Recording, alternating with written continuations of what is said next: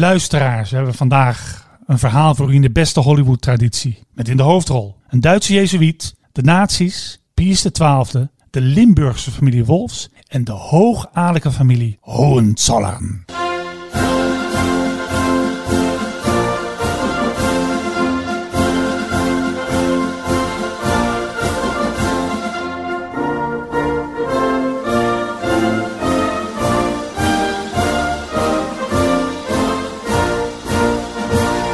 Welkom luisteraars bij weer een nieuwe aflevering van de Trouw-podcast De Roomse Loper.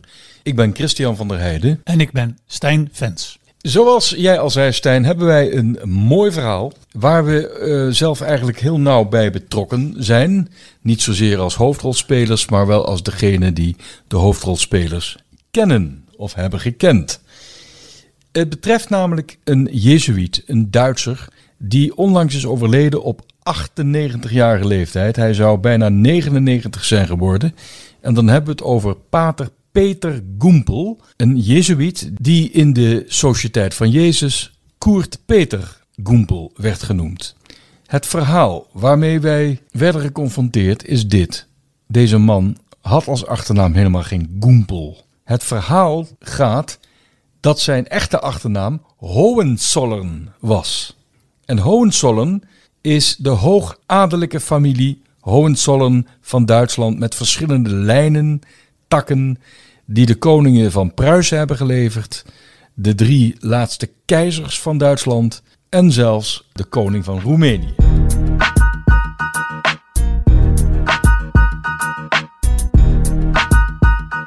Wie was deze pater?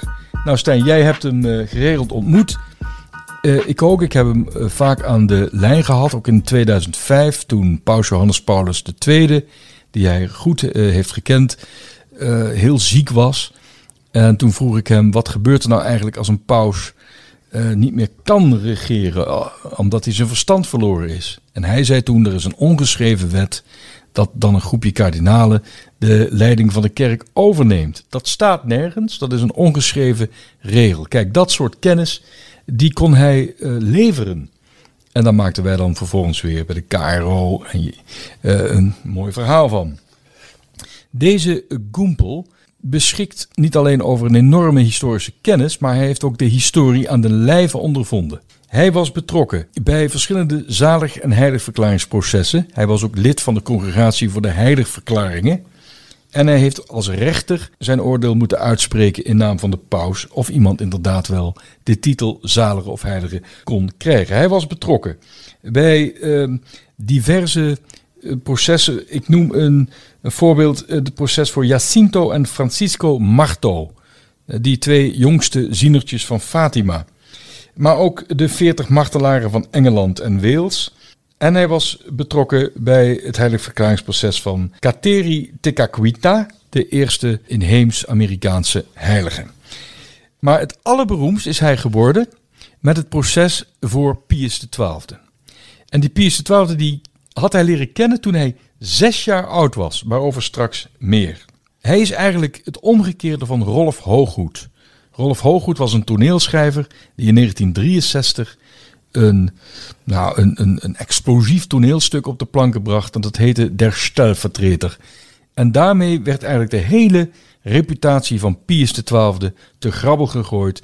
Want Hooghoed die presenteerde Pius XII als degene die gezwegen had, willens en wetens, over de holocaust. En hij werd zelfs door een aantal biografen daarna genoemd Hitler's Pope. Dit tot grote ergernis van Peter Goempel, die hem ook persoonlijk gekend heeft en die ervan overtuigd is dat hij een heilige was. En hij heeft ook heel veel bewijsmateriaal aangevoerd dat Pius XII echt goede reden had om niet de nazi's te veel dwars te zitten, omdat de gevolgen dat helemaal rampzalig zouden zijn geweest. Op de eerste plaats voor de Joden die ondergedoken zaten in de kloosters en de kelders van pauselijke en andere kerkelijke bezittingen in de eeuwige stad en in de omgeving daarvan. Ja, je moet je voorstellen, die Peter Goempel uh, zat daar in dat enorme generalaat van de Jezuïeten in de schaduw van het Vaticaan. Die kamer die was uiterst saai. Er was echt niks leuks te beleven eigenlijk. Uh, het roken naar sigarettenrook. Want Peter Goempel was een kettingroker. Hij sprak zeven talen, geloof ik, vloeiend. Waaronder het Nederlands. Dus wij waren uh, aan elkaar verbonden door zijn kennis eigenlijk. En zijn wonderlijke levensgeschiedenis. Maar ook door het feit dat hij in 1948 in Amsterdam heeft gesurveilleerd bij het eindexamen van mijn vader op het Ignatius College. En daar kon hij over vertellen in schitterend Nederlands. Ik heb hem voor het laatst geïnterviewd, ruim twee jaar geleden. Toen was hij, denk ik, 96. Grammaticaal Nederlandse zinnen waren om door een ringetje te halen. En als je hem ging interviewen, zei hij altijd: U begrijpt, ik geef regelmatig interviewen aan de meest belangrijke televisieomroepen. Enige ijdelheid was hem ook niet vreemd.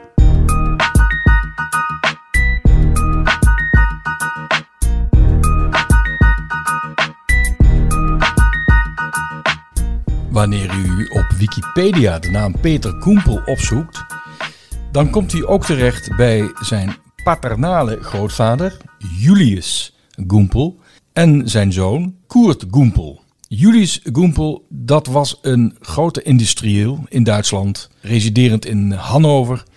En daarna had hij ook een Joodse bank overgenomen en hij zou zelf ook half Joods zijn. Diens zoon, Koert Goempel, heeft nog gevochten in de Eerste Wereldoorlog. Koert kreeg een zoon, Peter. Koert was overigens katholiek geworden, al dus deze Wikipedia lemmata. En Peter wilde Jezuïet worden. Dit geheel tegen de wens in van Koert. Dus volgens het officiële verhaal was deze familie Goempel zo ontzettend rijk dat zij hoge gasten ontvingen in hun eh, grote villa in Hannover. Een daarvan was de toenmalige apostolische nuntius in München, aartsbisschop Eugenio Pacelli, die in 1939 gekozen zou worden tot paus en de naam Pius aannam, Pius XII. En kleine Petertje, die leerde deze Pacelli kennen toen hij zes jaar oud was. En toen op een gegeven moment hij in zijn puberteit was gekomen, maakte hij kenbaar aan zijn vader: Ik wil Jezuïet worden. Over mijn lijk, zou hij hebben gezegd. Je mag er pas in als de paus zelf een verzoek bij mij indient om Jezuïet te worden. En wat gebeurde? Die Pacelli, vriend van de familie, werd inderdaad paus. En zou ook de zaak van Petertje hebben bepleit, zodat hij Jezuïet kan worden. Nou wil het verhaal dat er een Amerikaanse journalist, die luistert naar de naam Kenneth Woodward, dat die van Peter Goempel zelf zijn geheim heeft vernomen. Er was een klein groepje intimi die van Peter Goempel zelf had vernomen wat zijn eigenlijke afkomst was. Zijn naam Goempel bleek niet zijn echte achternaam, maar zijn echte achternaam, zo zegt deze Kenneth Woodward, is Hohenzollern. Nou ja, dat is uh, dat artikel van Woodward, dat werd gepubliceerd onlangs in het Amerikaanse Jesuiten magazine America. Maar ja, je kunt zoveel zeggen. Is dat eigenlijk wel een plausibel verhaal? Wie is die Kenneth Woodward, Stijn? Kenneth Woodward is een Amerikaanse journalist. Uh, hij is op dit moment 87 jaar oud en hij is vooral bekend geworden als de religieverslaggever, om het zo maar te zeggen, de religieredacteur van het Amerikaanse weekblad Newsweek. Een goede journalist met een goede naam. En hij is binnen de katholieke kerk bekend geworden door zijn werkelijk geweldige boek Making Saints. Over de manier waarop in het Vaticaan de zalige en heilige worden gemaakt, letterlijk. Hij had het ook over de, de heilige fabriek. Dat boek kwam uit in de jaren 80. Dat waren de hoogtijdagen van de heilige fabriek van Johannes Paulus II. Echt een, een goede journalist met een groot gevoel voor anekdote. En ik heb hem ooit geïnterviewd samen met Wilfred Kemp, onze KRO-collega, in het kader van een documentaire die we maakten over helden en heiligen, waar, we, wij eigenlijk probeerden te, de link probeerden te leggen tussen de klassieke heiligen als uh, Franciscus van Assisi en toen de tijd moeder Teresa en Lady Diana. En ik heb hem interviewd hem in Hotel Minerva. Dat ligt naast, het, uh, naast de kerk van Santa Maria Sopra Minerva, achter het Pantheon. Gewoon een goede journalist. En ook iemand die wist dat als je iets te weten wil komen in Rome, dan kan je maar het beste met iemand gaan eten, dineren in een goed restaurant. En dat heeft hij dus ook gedaan met Peter Goempel. Nou, hij schrijft dus in dat bewuste artikel dat uh, Peter Goempel hem dus een geheim had meegedeeld. En eh, aangezien Peter Koempel is overleden, voelde hij zich nu vrij om aan het publiek dit geheim te onthullen. En ik citeer: It was a secret known only to a few others. The secret was that Peter's last name, Gumpel, was a pseudoniem. Of hoe zeg je dat? Pseudoniem. Hij vertelde mij zijn familienaam, waarin hij was geboren. En die familienaam was Hohenzollern. De koninklijke dynastie van koningen en prinsen, keurvorsten en keizers die over alle delen van Duitsland en Roemenië hebben geregeerd, beginnend vanaf de 11e eeuw. A royal family that continues to this day. Nou, dat is dus het geheim. Er gingen geruchten inderdaad dat Peter Koempel eigenlijk Koert Hohenzollern was. Dat was een gerucht, dat is nooit bevestigd, zeker niet door hemzelf, maar Koempel heeft het ook nooit ontkend. In een interview met de Amerikaanse katholieke zender EWTN zei hij daarover het volgende. Also ich muss ehrlich sagen, ich kenne diese Dinge, es gibt noch ganz andere Gerüchte. Ja. Es wird auch gesagt, ich sei ein Jude. Ich wurde einmal aus Nordamerika angerufen, ob es wahr sei, dass ich Hitlerjunge gewesen wäre und SS-Mann gewesen wäre, ausgerechnet das. Ich habe damals dem Herrn gesagt, der mich anrief, aus Amerika, von einer großen Tageszeitung in Nordamerika, gesagt, wissen Sie, mein lieber Herr, es ist für mich ja ganz interessant, von einem Journalisten Dinge über mein eigenes Leben zu erfahren, von dem ich bisher absolut noch nichts gewusst habe. Aber eine letzte Und, kleine Frage, Ihr, Hinter Ihr, familiärer Hintergrund, dürfen Sie... Also, äh, ich rede nicht gern über diese Dinge. Ich kenne diese Gerüchte, ich habe mich immer daraus zurückgehalten. Ich habe auch der Gesellschaft versprochen, äh, über diese Sache nicht zu reden. Und ich äh, halte mich an dieses Versprechen. Und äh, es ist auch völlig unwesentlich, denn wenn das wahr wäre, ich sage wenn das wahr wäre, ist die Sache ja sowieso nie äh, zu irgendeiner konkreten Lösung gekommen. Äh, ich kenne diese Gerüchte und äh, werde sie weder bestätigen noch direkt verneinen. Also äh, wie gesagt, es interessiert mich wenig, über mein eigenes Leben zu reden und es interessiert ja auch die anderen Leute kaum. Ich bin ein einfacher Mann, ein einfacher Ordensmann und äh, würde nie also irgendwie äh, darauf reflektieren über meine Abstammung, über meine Beziehung. Ich komme von einer sehr reichen und äh, sehr einflussreichen Familie, das ist richtig.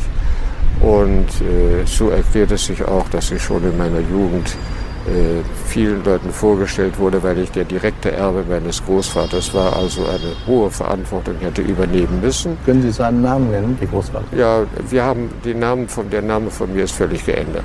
Ja. Äh, das ist möglich. Und, Und der Name des Großvaters? Auch der Name des Großvaters. Also das würde dann zurückführen auf meinen eigenen Namen und dafür sehe ich an.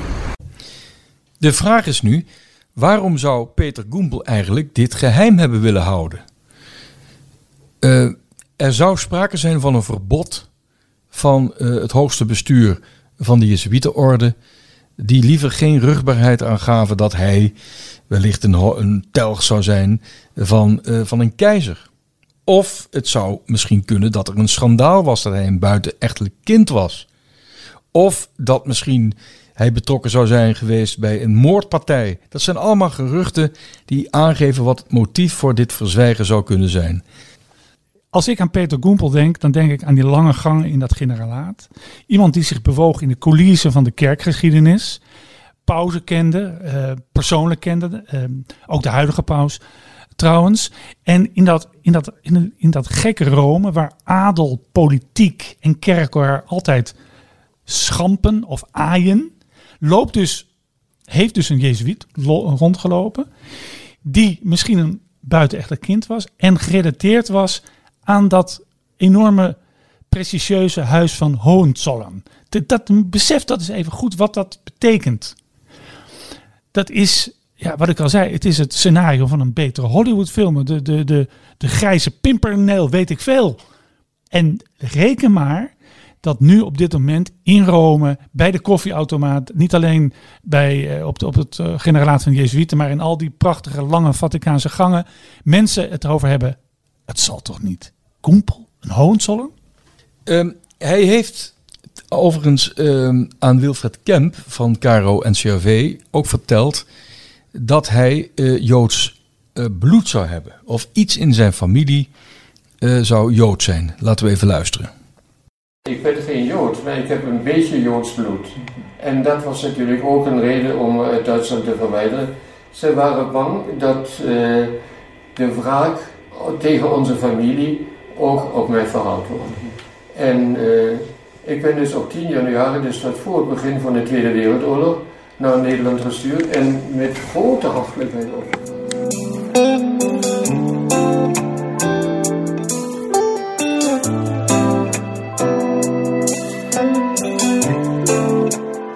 Wat zijn nu eigenlijk de feiten?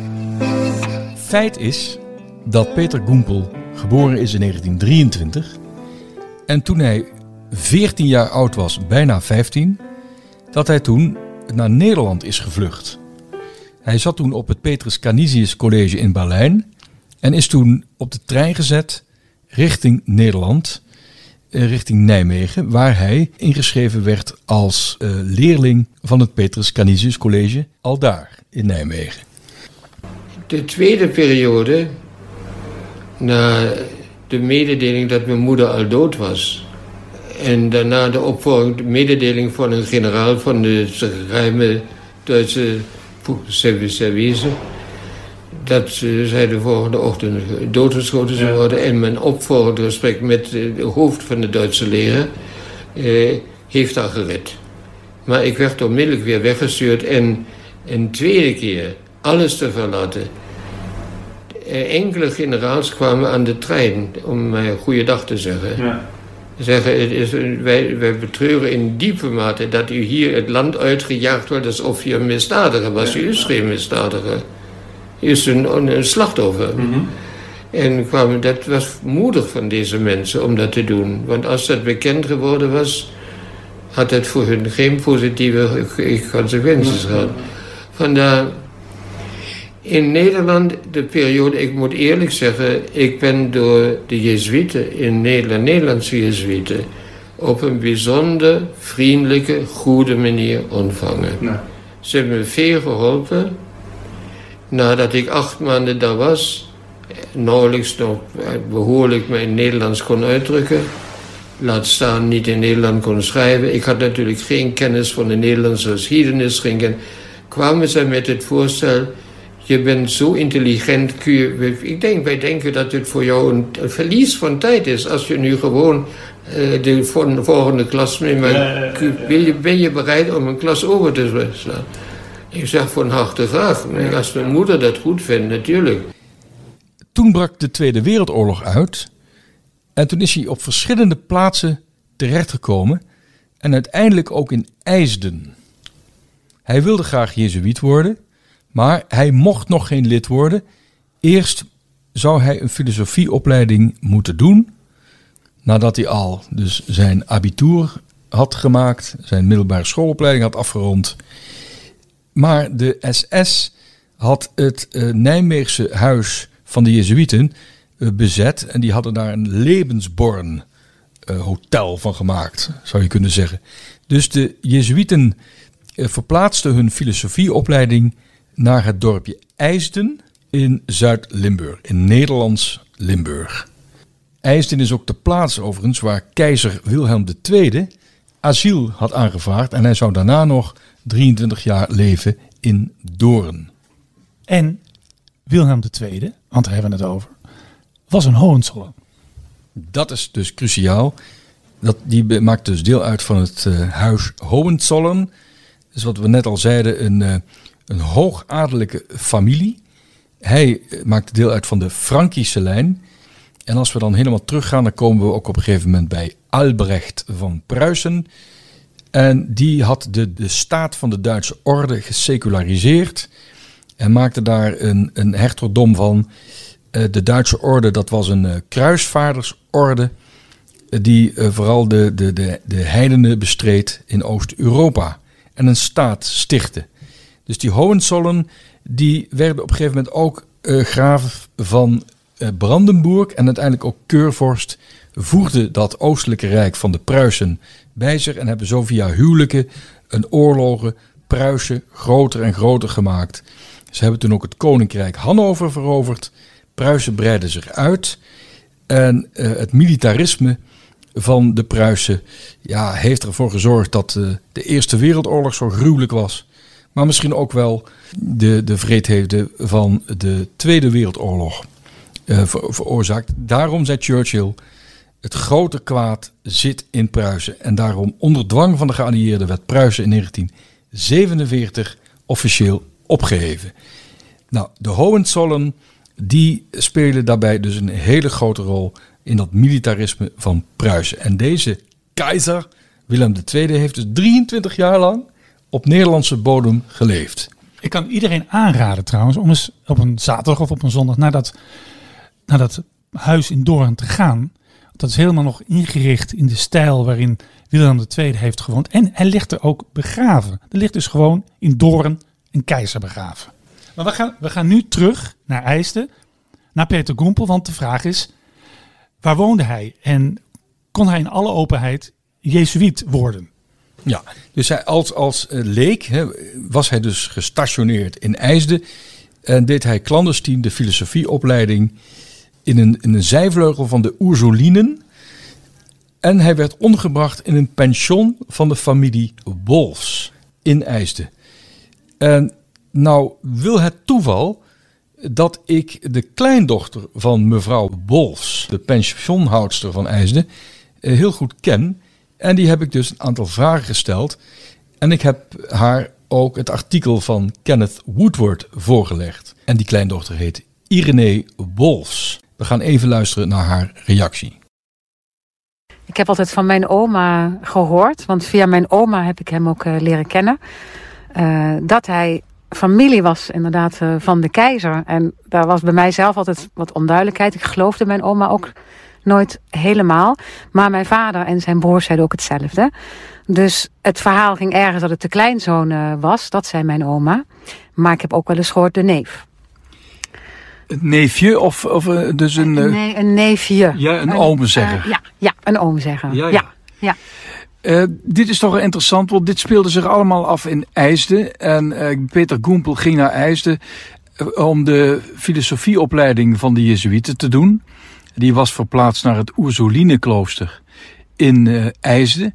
Hij was nog geen Jezuïet, maar hij deed al wel de Jezuïetenopleiding daar. En hij zat eigenlijk in het pension van jouw oma, ja, min of meer ongedoken. Ja, mijn oma die was weduwe, al, uh, al voor de oorlog geworden met vier kinderen. Had een groot huis.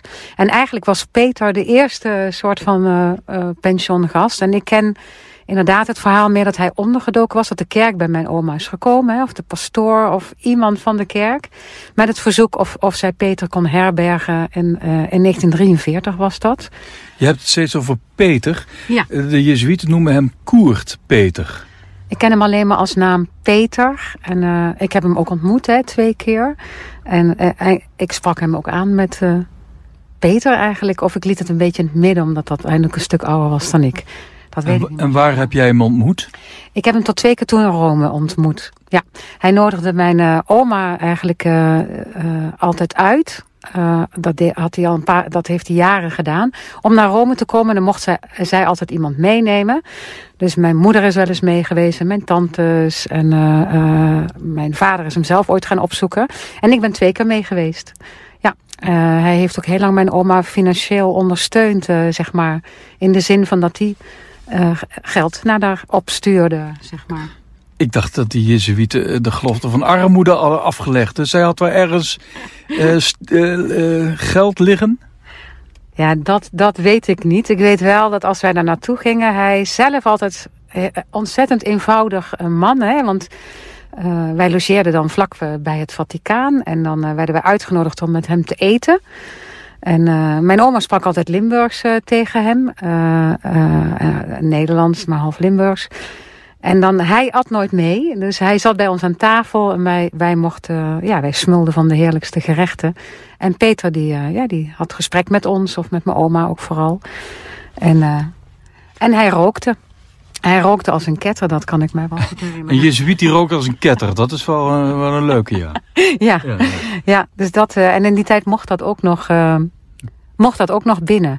En daarna begeleidde hij ons weer eh, terug naar ons hotel. En dan ging hij naar zijn... eh, En, en jij was toen in je twintiger jaren. Ja, ik was begin twintig. En eh, ik had toen zelf net... ehm, eh, had ik in Latijns-Amerika gezeten. En daar had je natuurlijk de theologie van de bevrijding. Dus ik had leuke gesprekken met hem aan tafel over dat onderwerp. Toen eerlijk gezegd nog niet zo realiserende welke positie hij bij de paus eh, had. In de, in, hè, en wat voor dingen hij daar deed. Maar wij hadden, ja, ik, daar had ik discussie met hem over. En eh, Hij noemde jouw oma altijd ma. En dat is hij blijven doen. Ja. Ook al die jaren dat jouw oma dus in Rome hem opzocht. Ja. Eh, veronderstelt dat iets van een exclusieve band? In de zin van dat zij een moederrol vervulde? Ja, ik weet dat. Dat weet ik niet zo goed, want ehm, hij zei ma inderdaad. Dat, ja, het is mij wel opgevallen, maar ik dacht dat er inderdaad een band was, omdat zij altijd met veel genegenheid over Peter sprak. En eh, mijn vader zei ook, eh, want die was zeg maar, zij schelen, hij, mijn vader scheelt negen jaar met Peter. En in de oorlog eh, had mijn, ja, hij ontfermde zich in die zin wel over, in ieder geval over mijn vader. Hij bouwde hutten met mijn vader in de tuin. En dat herinnert mijn vader zich, eh, zich ook. En kan ook zijn, mijn oma werd wel door meer mensen ma genoemd. Dus het kan ook nog zijn dat hij dat overgenomen heeft, dat iedereen dat deed. Hij had een hele goede band met jouw vader. En jouw vader leeft ook nog. Ja. Die heeft ook dit artikel gelezen. En wat was zijn reactie daarop? Mijn vader was ontroerd eh, toen hij het eigenlijk hoorde. Ook dat, eh, nou, dat jij echt ook zo attent was om dat eh, te sturen. En hij herkende eigenlijk heel veel dingen uit het artikel. En hij begon ook dingen aan te vullen. En tegelijkertijd zijn goede band. Hij eigenlijk heeft hij daarna nog maar één keer gezien hoor. Nadat Peter bij ons is vertrokken. Maar hij herinnerde zich dingen. Waaronder dat Peter, zeg maar, eh, eh, zijn vader in eh, Lissabon woonde. De moeder ben ik heel even kwijt of dat dan Berlijn was. Of München, maar... eh, en dat de zus van Peter ook op een gegeven moment bij hun in huis is gekomen. Toen Peter, zeg maar, voor de oorlog naar Nijmegen ging. Of, eh, sorry, voordat de oorlog voorbij was, hè, was Nijmegen bevrijd. En toen is Peter daar naartoe gegaan. En toen kwam aan het eind van de oorlog ook de zus van Peter, Inge. Inge. Die kwam bij ons. eh, Ja, niet bij ons, bij mij niet, maar bij mijn oma in huis. Ja. En mijn vader heeft naar de hand Peter ook nog wel in Rome opgezocht. Ik weet dat een van zijn broers is twee keer naar Rome geweest. Die heeft misschien wat meer contact. Maar eh, de, de goede band, mijn vader heeft meer in de herinnering aan een soort, hè, aan iemand die bij hun in huis woonde en die zich ook wel om, hem, om hun bekommerde. En dat hij een Hohenzollern zou zijn. Ik weet mijn hele leven dit al, zeg maar, dat als er over Peter gesproken werd, dat hij inderdaad familie zou zijn van de keizer. Dus inderdaad een kleinzoon, dat heeft hij ooit, dat zou hij ooit tegen mijn oma hebben gezegd. Mijn oma zei dat ook altijd. Ik herinner me ook dat ze het wel eens over neef had, dus daar weet ik ook niet zo goed in van hoe zij dat eh, interpreteerde. Maar kleinzoon heeft ze ook echt wel genoemd. En mijn vader, die wist dat. En mijn, als ik mijn oom spreek, weten dat ook. Dus het was voor mij absoluut geen verrassing toen jij tegen mij zei: hij is familie van. Ik zeg: nee, dat weet ik. Maar goed, het, het klinkt als een wat onwaarschijnlijk verhaal ook ergens. Hè? En wij, ook wij weten niet helemaal, hè, of ik weet niet helemaal hoe het dan precies zit. Hè? Het kan niet anders. De bewijzen stapelen zich op. Deze fameuze Duitse jezuïet Peter Goempel is een rechtstreekse afstammeling van de Hohenzollerns. Maar wij gingen nog eens even verder bellen. En verder met dit bijzondere onderzoek. Wij hebben inderdaad eh, wat mensen gebeld. Ook mensen die verstand hebben van deze hele familie Hohenzollern. En er was iemand die zei... Ga eens naar de Wikipedia-pagina van Cecilie van Mecklenburg-Schwerin. Cecilie van Mecklenburg-Schwerin. Die ook verwant was aan prins Hendrik, de echtgenoot van Wilhelmina der Nederlanden. En inderdaad, daar ben ik naartoe gegaan. En wat schetst mijn verbazing? Ik zie daar een foto van een dame met het gezicht van Peter Goempel. ik wist niet wat ik zag. Ik, leg ik er dat nou in? Is dat een beetje wishful thinking? Is dat uh, hineininterpretierung? Zoals de Duitsers dat zo mooi zeggen. Ik zou u, luisteraars, willen oproepen. Oordeelt u zelf. Ga googlen en ga kijken naar uh, een foto van Peter Goempel. En leg die dan naast het portret van kroonprinses Cecilie van Mecklenburg. En oordeelt u dus zelf. Zij was eh, gehuwd met kroonprins Wilhelm van Pruisen, de eh, oudste zoon van keizer Wilhelm II. Ligt hier een verband? We weten het niet.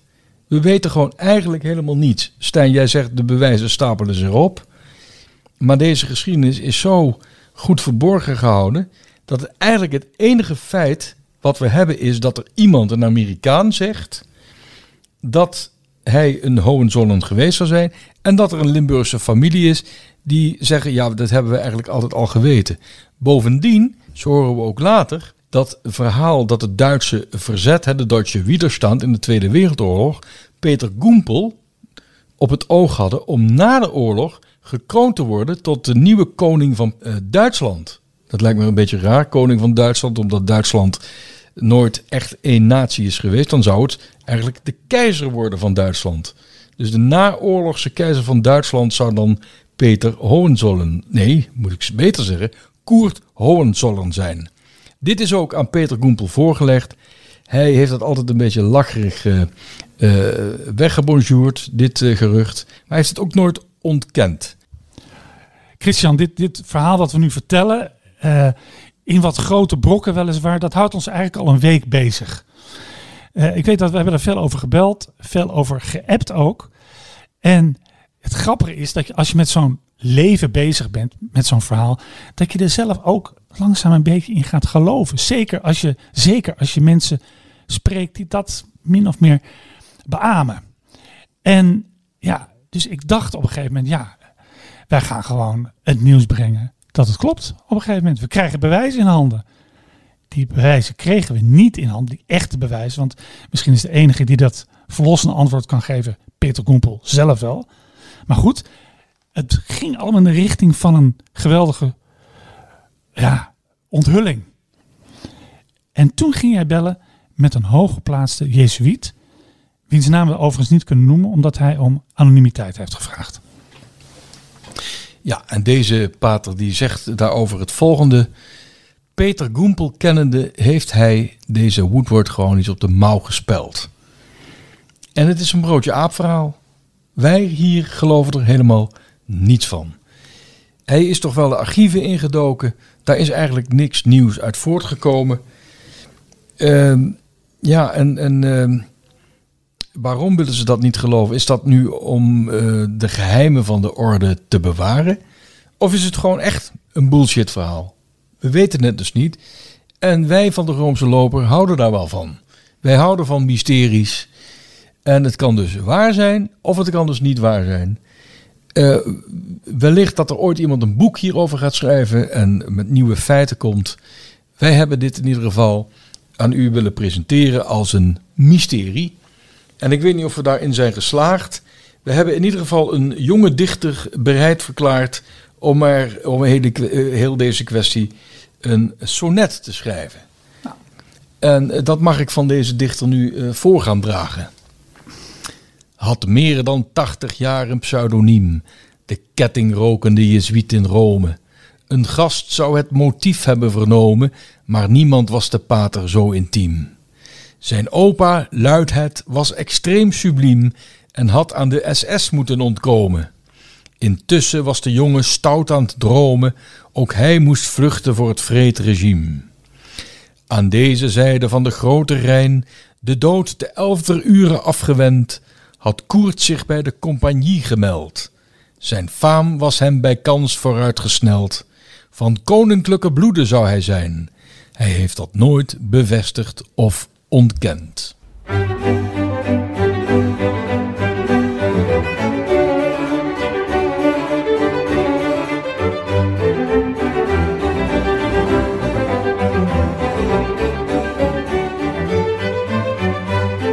Dan nu even een toegift.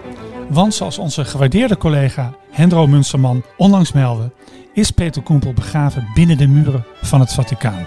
Op dat schitterende kerkhof, het Duitse kerkhof, officieel Campo Santo Teutonico e dei Fiamminghi, dus ook van de Vlamingen. En daar ligt Peter Koempel nu te wachten op de opstanding. Te midden van beroemde Nederlanders als Schapan, de katholieke emancipator en Monsieur Olaf Smit, missiebisschop in Noorwegen en ooit beschoten in de Sint-Pieter. Maar daar ligt ook in een hoekje Charlotte Frederica van Mecklenburg-Schwerin begraven. Ooit getrouwd met een Deense kroonprins. Familie van onze prins Hendrik. En ook familie, dat kan bijna niet anders, van onze Cecilie. Die zoveel op Peter Koempel lijkt. Ik ga toch heel snel naar Rome en een bezoek brengen aan dat kerkhof dat alleen maar aan importantie wint. Ja, en dan sluiten we nu af met een Duitse slager, gezongen door niemand minder dan een Duitse prins, Frans von Hohenzollern. Die van Hohenzollerns die zitten werkelijk overal, ook in de slagerindustrie. En prins Frans die zingt over hoe heerlijk het is om een zwaap te zijn. Want de Hohenzollerns kwamen van oorsprong uit Zwabenland.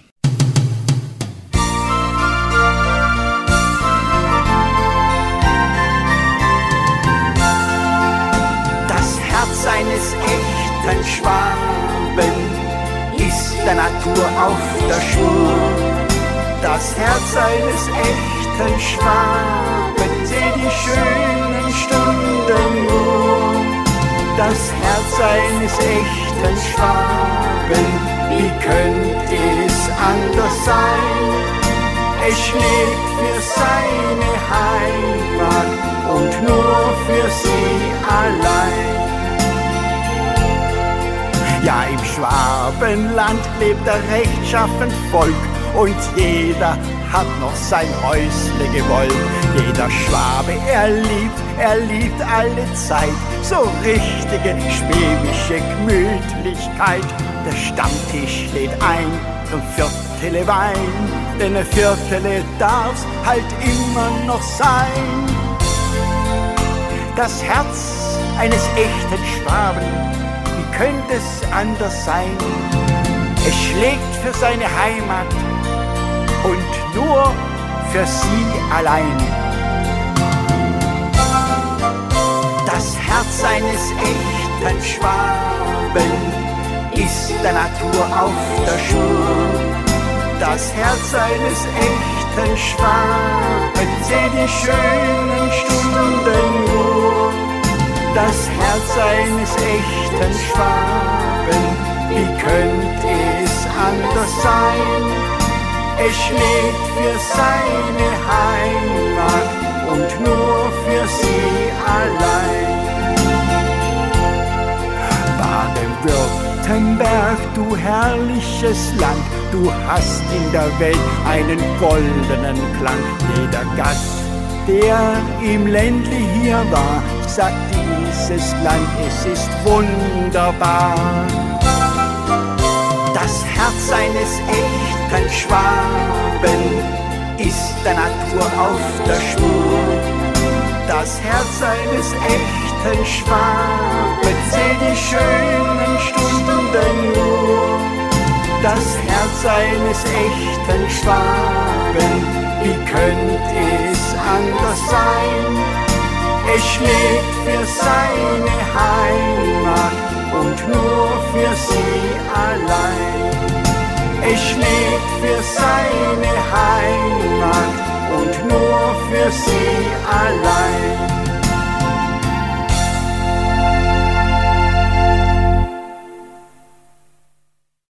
We worden dagelijks overladen met overbodige informatie. En het is moeilijk de zin van de onzin te scheiden. Daarom vertrouw ik op echte journalisten in plaats van meningen. Een krantenmens heeft het gemakkelijk. Word ook een krantenmens en lees je favoriete krant nu tot al zes weken gratis. Ga snel naar krant.nl. Bezorging stopt automatisch en op deze actie zijn actievoorwaarden van toepassing.